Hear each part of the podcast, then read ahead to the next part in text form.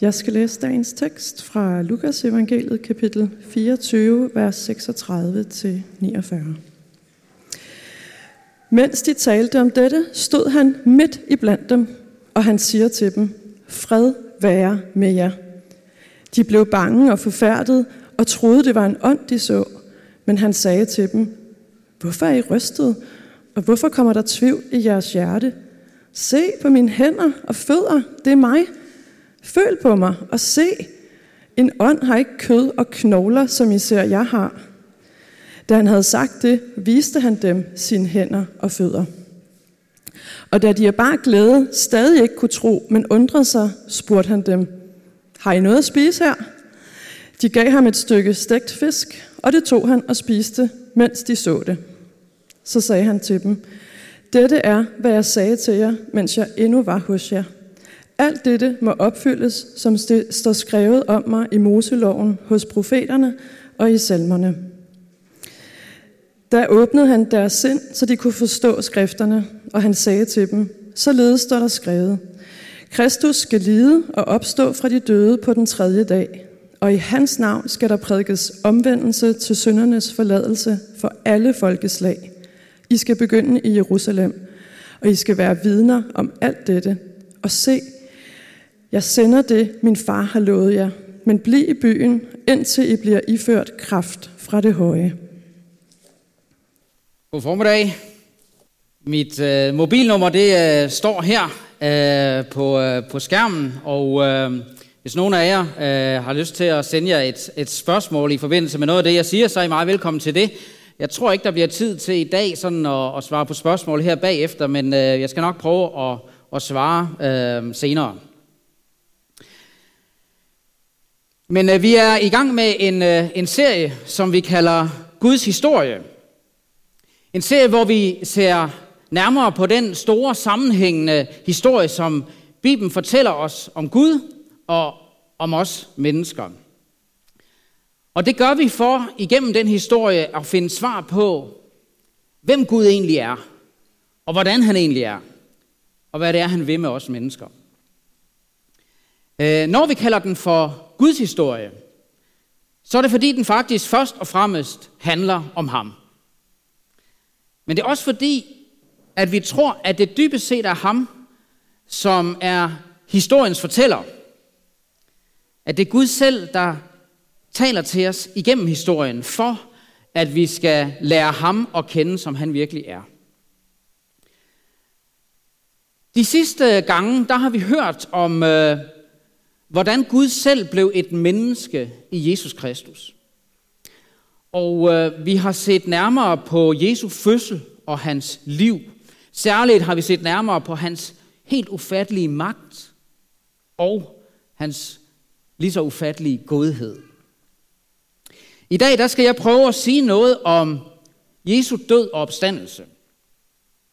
Og øh, man kan roligt sige, at det er svært at overvurdere den betydning, Jesu død og opstandelse har for historien. Det er simpelthen øh, her, det hele det kulminerer.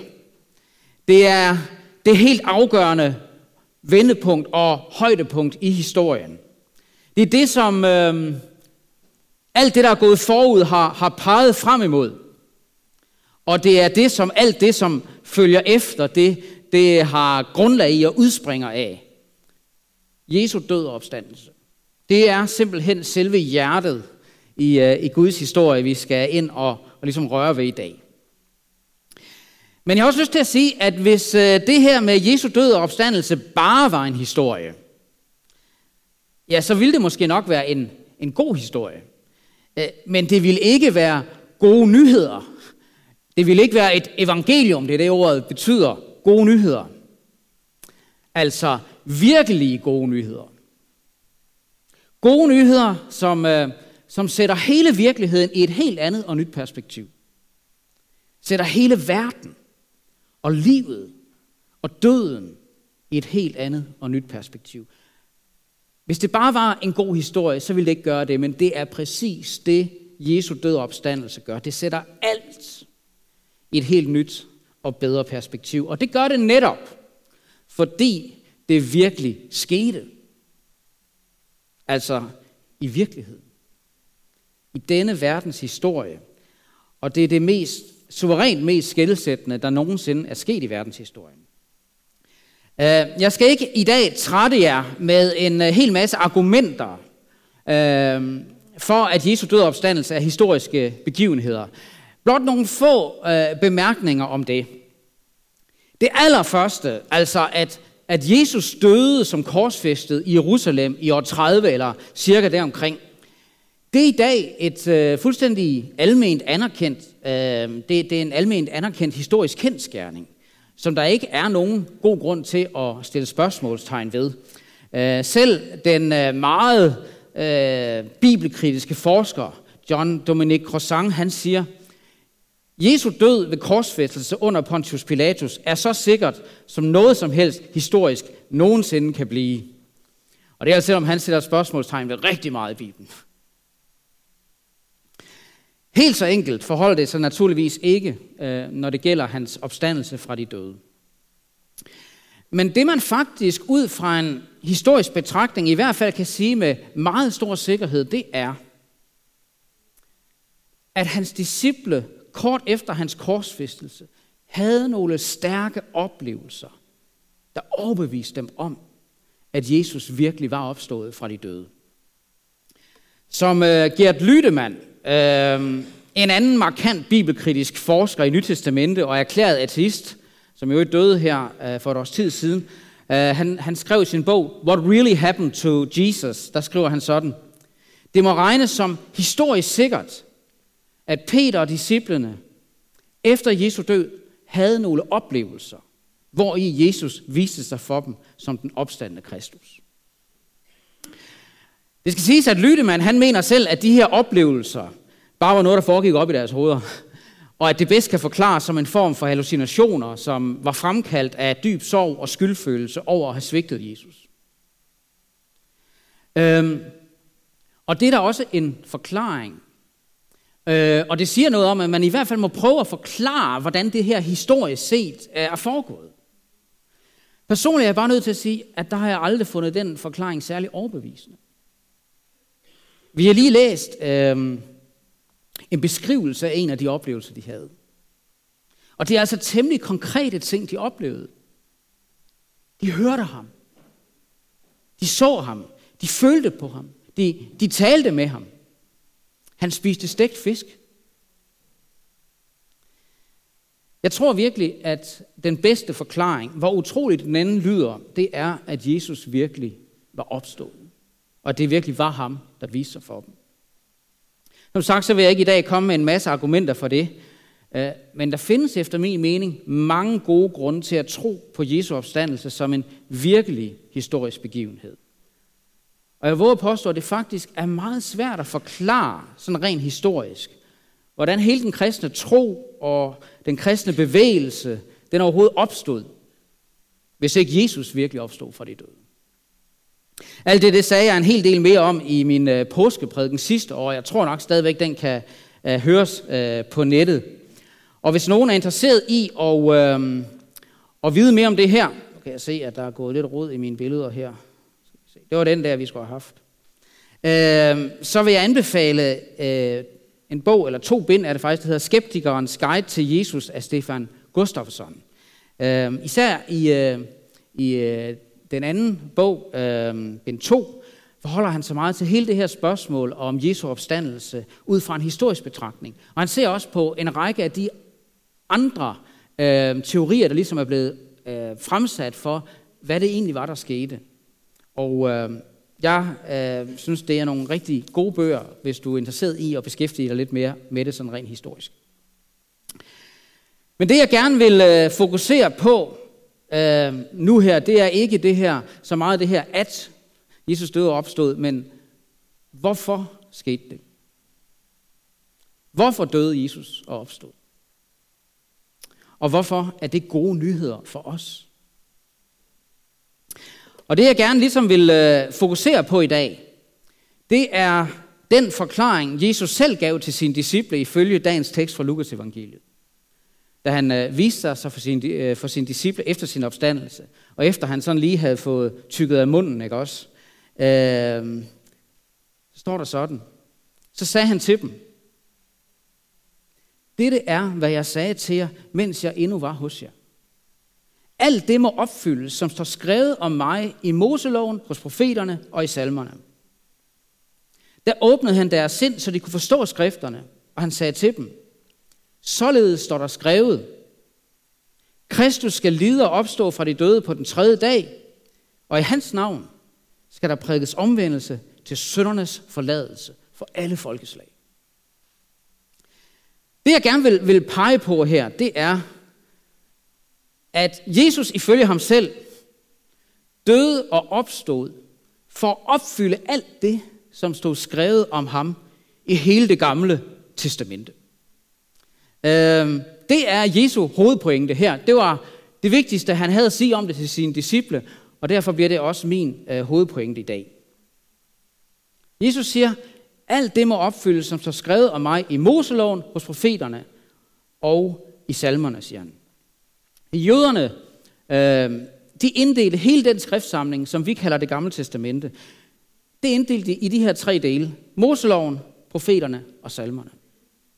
Så det Jesus siger her, det er faktisk, der står skrevet om mig i hele det gamle testamente. Hele Guds historie, som vi har hørt om i Københavnerkirken her det sidste stykke tid, det handler alt sammen om mig. Det hele, det handler om mig. Og alt det, som er sket, siger han, det er sket for at hele skriften, hele det gamle testamente kunne gå i opfyldelse. Det her med at opfylde, det er nøgleordet her. Jesus siger, hele det gamle testamente, det vidner om mig, og det peger frem mod mig. Og det er hele det gamle testamente. Det er ikke sådan bare hist og pist nogle små øh, vers, der sådan handler om mig. Nej, han, det han siger, det er, hele pointen i hele Guds historie, det er Guds løfte om mig, og det jeg skulle komme og gøre for jer. Jeg led og døde og opstod for at opfylde Guds store løfte i hele det gamle testamente, og det handler alt sammen om mig. Det, der var sket, det var altså ifølge Jesus helt efter bogen. Det var helt efter Guds plan og Guds manuskript. Øhm, jeg ved ikke, øh, i, her i kirken, der giver vi sådan et dåbsgave, der giver vi den her børnebibel, bibel, der hedder, hvad Bibelen fortæller om Jesus. Øhm, og øhm, den har sådan en undertitel, der hedder, Hans navn klinger med i hver historie. Jeg kan endnu bedre lide den, den engelske øh, version, hvor der står, Every story whispers his name. Hver fortælling visker hans navn. Og øh, hvis man har et godt indtryk af, hvordan hele det gamle testamente handler om ham, peger frem mod ham, så, det, så kan det være en rigtig god idé at læ- læse den børnebibel faktisk. Øh, hele pointen, det er at føre os til tro på Jesus. Hele pointen er, at vi kan ikke redde og frelse os selv. Men at det er ham, vi frelses ved.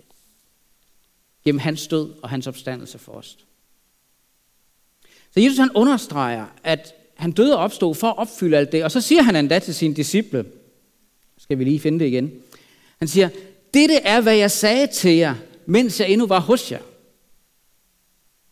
Det er ganske rigtigt, at øh, både Jesu korsfæstelse og hans opstandelse kom fuldstændig bag på hans disciple. Øhm, de forventede absolut ingen af delene.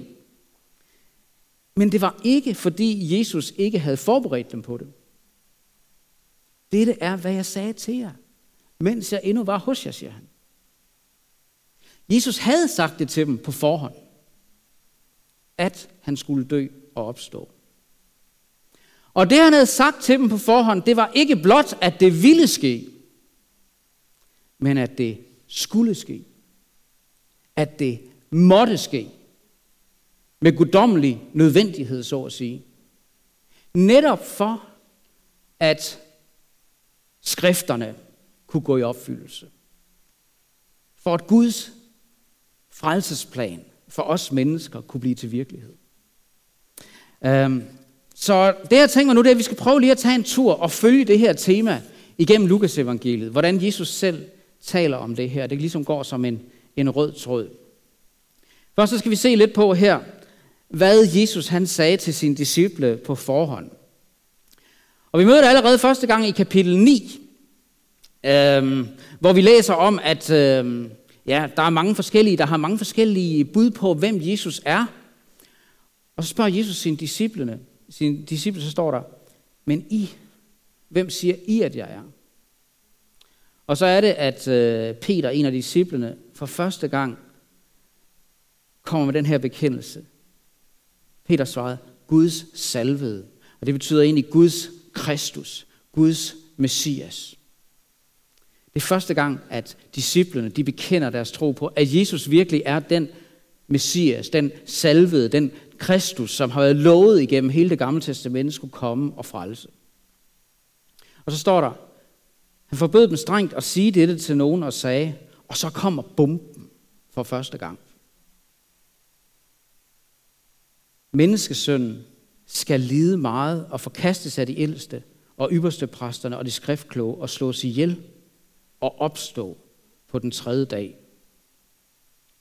Her der møder vi for første gang bomben, kan man sige, i Jesu budskab. Jesus fortæller disciplene, hvad planen er. Altså, hvad Guds plan er. Planen er, at han skal, som han siger, lide meget. Forkastes og slås ihjel. Og han skal opstå på den tredje dag. Og øh, der er et lille ord, der er vigtigt her. Øh, Jesus siger, menneskesøn skal. Hvis man læser engelske bibeloversættelser, så står der must. Det er noget, der er et must. Øh, på græs der er sådan et lille ord, det hedder dei. Øh, og det betegner som regel noget, der som ifølge Guds plan skal ske med nødvendighed, med guddommelig nødvendighed, så at sige. Nødvendigt, fordi det var Guds vilje og plan, som allerede stod skrevet og lovet i det gamle testamente, men også nødvendigt. Fordi der var ingen vej uden om det for Jesus.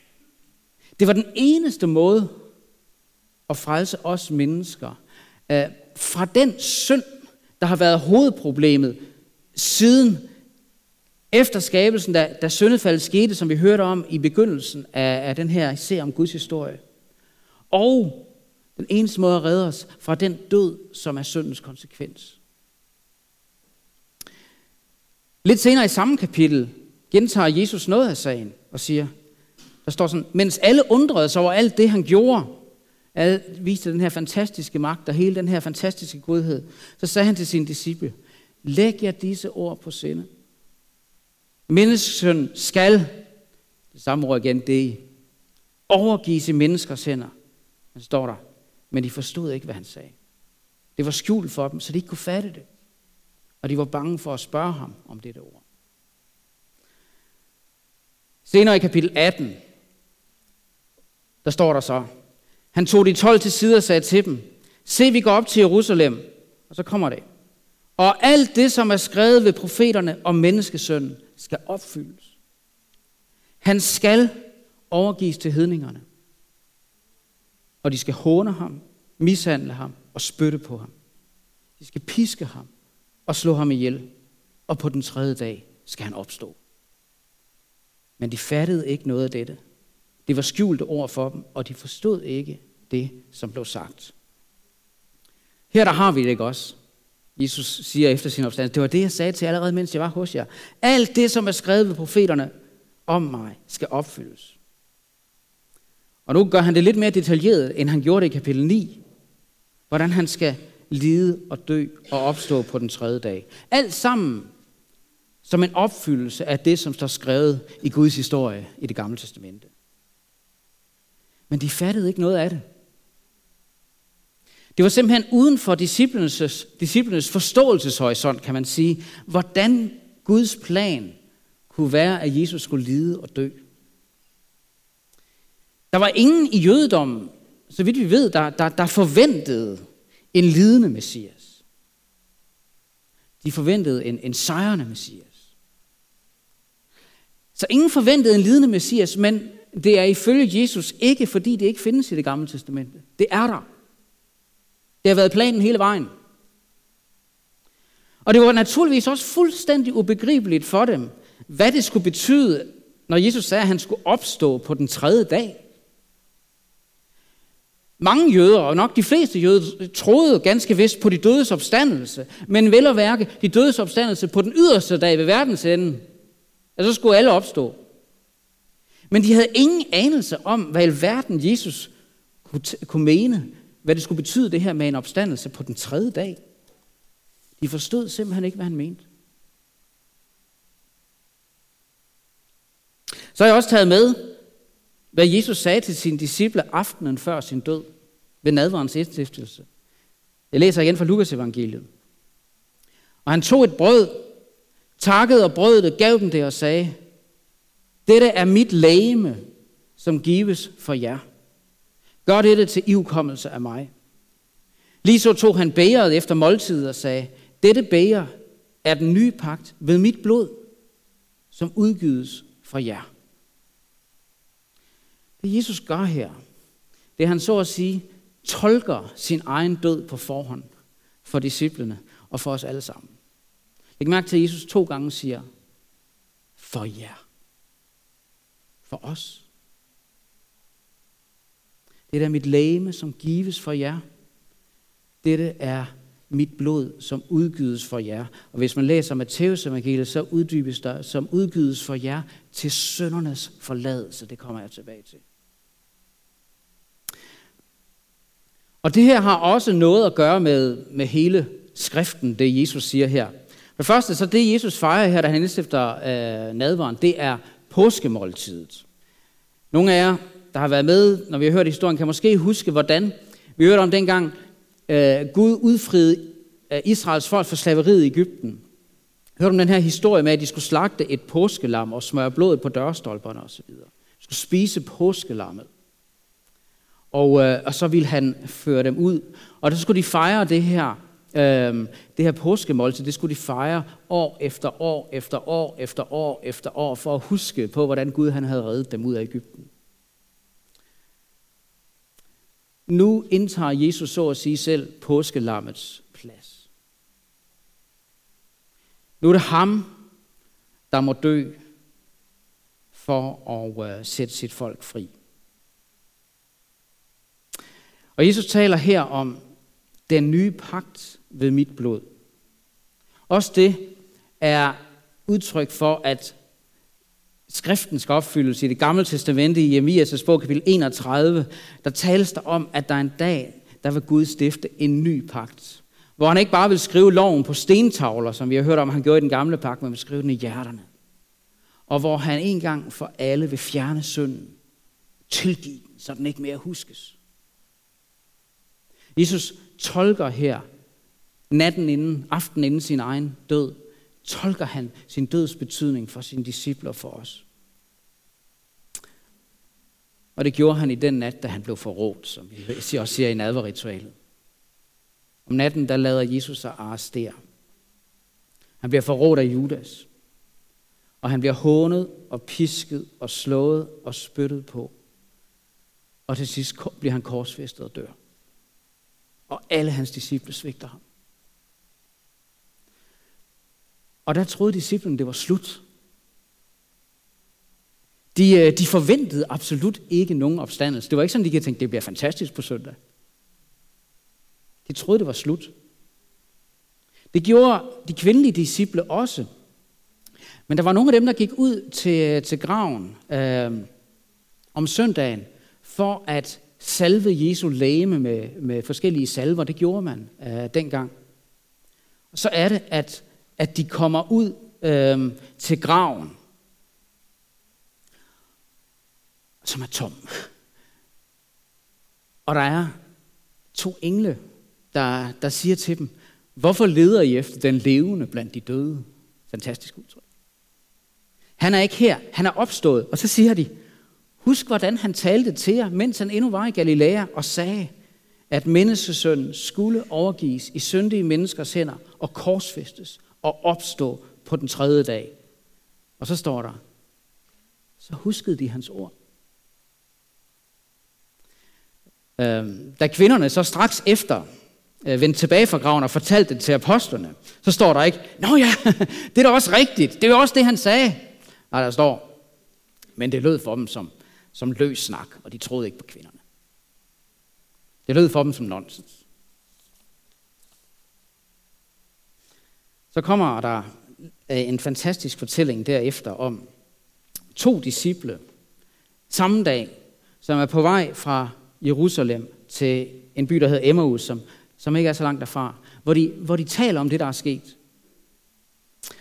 Og så kommer Jesus og øh, slår følge med dem. Men vi læser om, at, at Gud holder deres øjne til, så de ikke genkender ham. Jesus han kommer der og slår følge med de her to disciple og, og siger til dem, hvad, hvad snakker I om? Og så siger de, altså er du den eneste i hele Jerusalem, der ikke ved, øh, hvad det er, der er sket i Jerusalem i de her dage? Og det er ret sjovt, ikke? fordi de går der, og den eneste, der virkelig ved, hvad der er sket i Jerusalem i de dage, det er ham, der går der, som de siger det her til. Men Jesus han spiller blank og siger, hvad da? Og det står der faktisk øh, i det vers der. Det er et af de mindre kendte vers af Jesus, hvor han siger, hvad da? Øh, jeg kom i gang til min gamle menighed og sige, det var et af mine yndlingsbibelvers. Jeg kunne egentlig godt tænke mig at have det sådan hængende på, på væggen, sådan i guldskrift. Og det var der altså en af den to meget Så han fik lavet sådan et, hvad da skilt til mig. Det har jeg derhjemme. Øh, et af de gyldne Jesus-ord. Han spiller fuldstændig blank og spørger bare, hvad da? Så begynder de at, at fortælle, ja, det med, det med Jesus fra Nazareth og så videre. Og så fortæller de, hvordan alt, de havde helt deres håb til ham, men nu er han død, og, og så fortæller de om, at men nu er det helt, øh, vi er helt rundt på gulvet, fordi der er nogle kvinder, der har været ude ved graven, og de, de siger, at de har set engle, og han lever, og så videre. De aner ikke, hvad de skal, skal tro. Og så, så kunne man jo godt have forestillet sig, at Jesus han ville have sagt til dem, hey, gæt lige, hvem jeg er. Det er mig, jeg er lige her. Det kunne man godt have forestillet sig. Men det gør han ikke. I stedet for, så står der, jeg sagde han til dem, I uforstandige, så tungnemme til at tro på alt det, profeterne har talt. Skulle Kristus ikke lide dette og gå ind til sin herlighed? Og så står der, og han begyndte med Moses, og det vil sige, at han begyndte med 1. Mosebog 1. Og alle profeterne, og udlagde for dem, hvad der stod om ham i alle skrifterne. I hele Guds historie, i det hele gamle testamente. Så det, det underlige er, at, at i stedet for at afsløre sig selv for dem direkte, så gør han det indirekte. Og han giver dem bibelundervisning, så at sige. Og mens de vandrer der på vej til Emmaus, så tager han dem samtidig med på en vandring igennem alle skrifterne i det gamle testamente, og så udlægger han for dem, hvad der stod om ham der. Og jeg må sige, jeg ville vildt godt have været med på den der walk and talk med Jesus der, og have hørt, hvad Jesus, øh, hvordan han udlagde skrifterne for dem. Men mens han, han gør det, mens han åbner skrifterne for dem, som der står, så begynder deres hjerter at brænde, som de selv udtrykker det senere.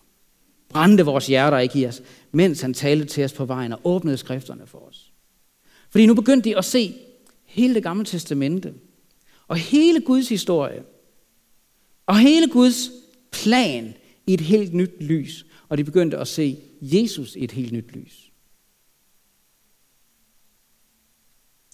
Ganske vist, så, så er det først senere, da de er nået til Emmaus, og han sidder til bord sammen med dem, og tager brødet, og øh, velsigner det, og, og bryder brødet, og giver dem det. Der er det, for, det er først der, at Gud åbner deres øjne, så de genkender ham, og ser, at det er ham. Men inden da, der havde de så at sige allerede set ham i bogen, i skriften. Og det man kan spørge, det er, hvorfor i alverden gør Jesus det på den måde? Jeg tror, han gør det, fordi det er, ligesom, det er ikke nok, at de ser, at han er opstået og lever. Hvis de ikke ser, hvis de ikke også ser, hvem han er, og hvad han har gjort, og betydningen af det i lyset af hele Guds historie. I lyset af alt det, der står skrevet i det gamle testamente. Det er helt afgørende, at de får øjnene op for ham, som hele historiens hovedperson. Ham, som hele skriften dybest set handler om, og vidner om, og peger på. Og jeg tror, der ligger en generel pointe til os også i det, fordi vi kan jo ikke se ham med vores øjne. Men vi kan se ham i hans ord. Der kan vi lære ham at kende, som han virkelig er, og forstå hele planen med det, han, han kom for at gøre. Og så er det altså øh, samme dag, at, at vi har vores tekst, hvor hvor øh, der står om, øh, hvad han sagde til de 11, øh, og alle de andre de, disciple. Og da han kommer til dem og siger, fred være med jer, spiser fisk, og så siger det her, dette er, hvad jeg sagde til jer, mens jeg endnu var hos jer. Alt det må opfyldes, som så skrevet om mig i Moseloven hos profeterne og i salmerne. Da åbnede han deres sind, så de kunne forstå skrifterne, han sagde til dem, således står der skrevet. Kristus skal lide og opstå fra de døde på den tredje dag, og i hans navn skal der prædikes omvendelse til syndernes forladelse for alle folkeslag. Jesus siger, at der er tre ting, der står skrevet. For det første, at Kristus skal lide. At det står der virkelig, at Messias skal lide. Og øh, jeg tror, han blandt andet har tænkt på øh, øh, teksterne om Herrens tjener i Esajas' bog, for eksempel kapitel 53. Det er noget, vi kommer til at høre mere om i efteråret også. Eller salme 22. Men også hele løftet, som vi har hørt om i den her historie fra begyndelsen af, hvor, hvordan Gud allerede efter syndefaldet gav et løfte om kvindens afkom, der skulle komme og knuse slangens hoved, men selv blive bidt i hælen osv. Påskemåltidet peger frem mod ham. Der er så meget, der peger frem mod, at han skulle komme for at lide. Det andet, han siger, der, skulle, øh, der stod skrevet, der, at Kristus skal opstå fra de døde på den tredje dag. Og jeg må sige, at jeg altid tænker lidt, ah, hvor er det lige, der står det der med den, med den tredje dag? Fordi sagen er, nej, der er ikke et, et sted, hvor der direkte står, at Messias skal opstå på den tredje dag.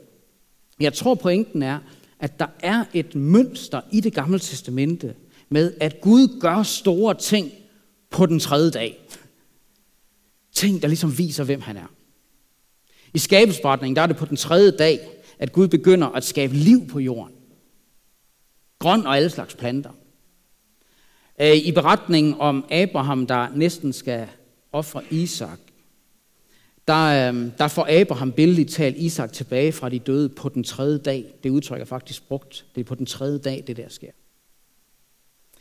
I anden Mosebog, øh, lige efter udfrielsen af Ægypten, der hører vi om, at Gud stiger ned på Sinai's bjerg på den tredje dag og viser sig i hele sin majestæt. Jonas han var i havdybet, havdybet i, i tre dage og tre nætter. Jesus bruger selv det som et, et, et, som et forbillede på ham selv. Og i Hoseas' bog, også en bog i det gamle testamente, der står der, at Gud vil oprejse sit folk på den tredje dag. Så jeg tror egentlig, at det her med, at Kristus opstod på den tredje dag efter skrifterne, at det så at sige betyder efter det mønster i skriften, hvor Gud gør helt afgørende og frelsende ting på den tredje dag. Men så står der også for det tredje, at i hans navn skal der prædikes omvendelse til søndernes forladelse for alle folkeslag.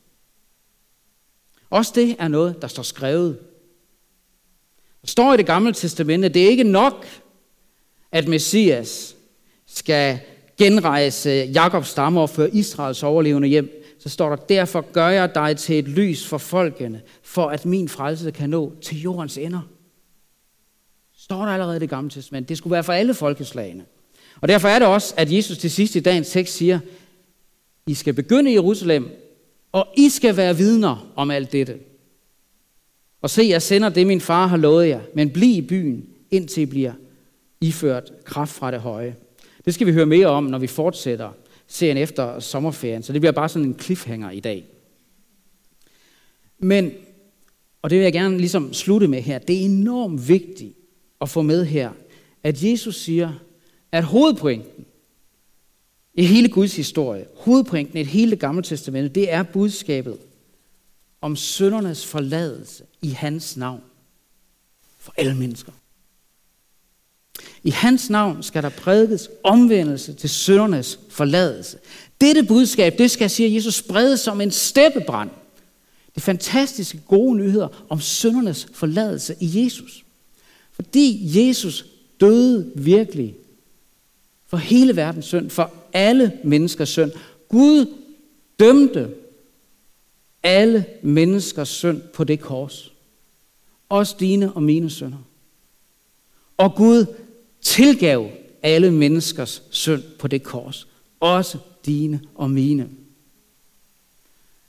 Paulus han skriver at Gud forsonede hele verden med sig selv. Han, til, han tilregnede ikke verden deres overtrædelse, men han, han, han tilgav os for overtrædelse ved at navle dem til korset. Gud tilgav alle menneskers synd på det kors, også dine og mine. For at sige det helt personligt, evangeliet det er, at dine sønder er dig tilgivet for Kristi skyld. Så vend dig til ham og tag imod det. Jeg hørte en, øh, en luthersk præst fortælle om, at han engang kom til at sidde ved siden af en fyr i et fly. Og øh, da fyren her øh, ved siden af fandt ud af, at han var præst, så begyndte han at, at fortælle. Han begyndte at fortælle om, at han havde været soldat i Vietnam. Han begyndte at fortælle om sine minder. Og øh, han fortalte om, hvad han havde været med til at gøre. Og det han fortalte, det blev værre og værre. Og tårerne løb ned af kinderne på den her mand, mens han fortalte. Ligesom lettede sit hjerte for, for præsten der. Det blev værre og værre, det han fortalte. Det var forfærdelige ting. Han sad faktisk i virkeligheden der og bekendte sine sønder for den her præst. Og så sagde præsten til ham, nu skal du høre. Når nogen bekender deres sønder for mig, så har jeg som præst en forpligtelse til at sige dette til dig i Jesu Kristi navn. Dine sønder er der tilgivet. Og manden han sagde, you gotta be kidding. You gotta be kidding. Det er det bedste, jeg nogensinde har hørt, sagde han. Og øh, det er de gode nyheder om søndernes forladelse i Jesu navn. Den her mand, han blev sat fri. De mødtes ofte senere, og ofte så kom han ind på kontoret og spurgte, er det stadig det samme budskab, du har til mig? Og præsten han gentog igen og igen for ham, ja, dine sønner er der forladt for Jesu Kristi skyld. For nylig der oplevede jeg faktisk noget lidt lignende på kontoret. Der var en mand, der kom ind for at købe bøger. Det gør der en gang om ugen. Jeg tror stadig, at det er Bethesdas boghandel. Han var kommet til tro på Jesus som ung, men han har aldrig rigtig fundet sig til rette i en menighed. Og vi snakkede sammen. Og havde snakket sammen et stykke tid. Øh, så sidst sagde jeg, jeg kan desværre ikke sælge dig nogen bøger, men, øh, men jeg kan bede en bøn. Er der noget, du gerne vil have, jeg beder for? Og så sagde han, for det første snakkede han om sit helbred. Han havde forskellige ting. Og så sagde han, og så må du også godt bede for, at jeg har simpelthen så dårlig samvittighed og skyldfølelse over ting, jeg har gjort i mit liv, som tynger mig. Og så bad jeg for ham. Og det sidst takkede jeg Gud for, at jeg i Jesu navn kunne sige til den her mand, dine sønner er der tilgivet for Jesu Kristi skyld. Og bagefter der var han så taknemmelig. Han blev ved med at sige tak. Så jeg til sidst måtte sige, det er altså ikke mig, du skal takke, det er Jesus. Det er ham, der har gjort det. Og som Paulus han skriver det, han blev givet hen for vores overtrædelser og blev oprejst til retfærdighed for os. Med andre ord, vores sønder er tilgivet, og Kristus er vores retfærdighed. Og han har ved sin død opstandelse brudt syndens og dødens magt for os. Og ligesom han kom til sine svigtende disciple påskedag og sagde til dem, fred være med jer. Jeg synder er forladt. Så kommer han også til os. Og siger det samme. Fred være med jer. Jeg synder er forladt. Døden er overvundet. Jeg gjorde det for jer, og det var helt efter planen fra begyndelsen. Og det får vi lov til blot at tage imod. Lad os bede sammen.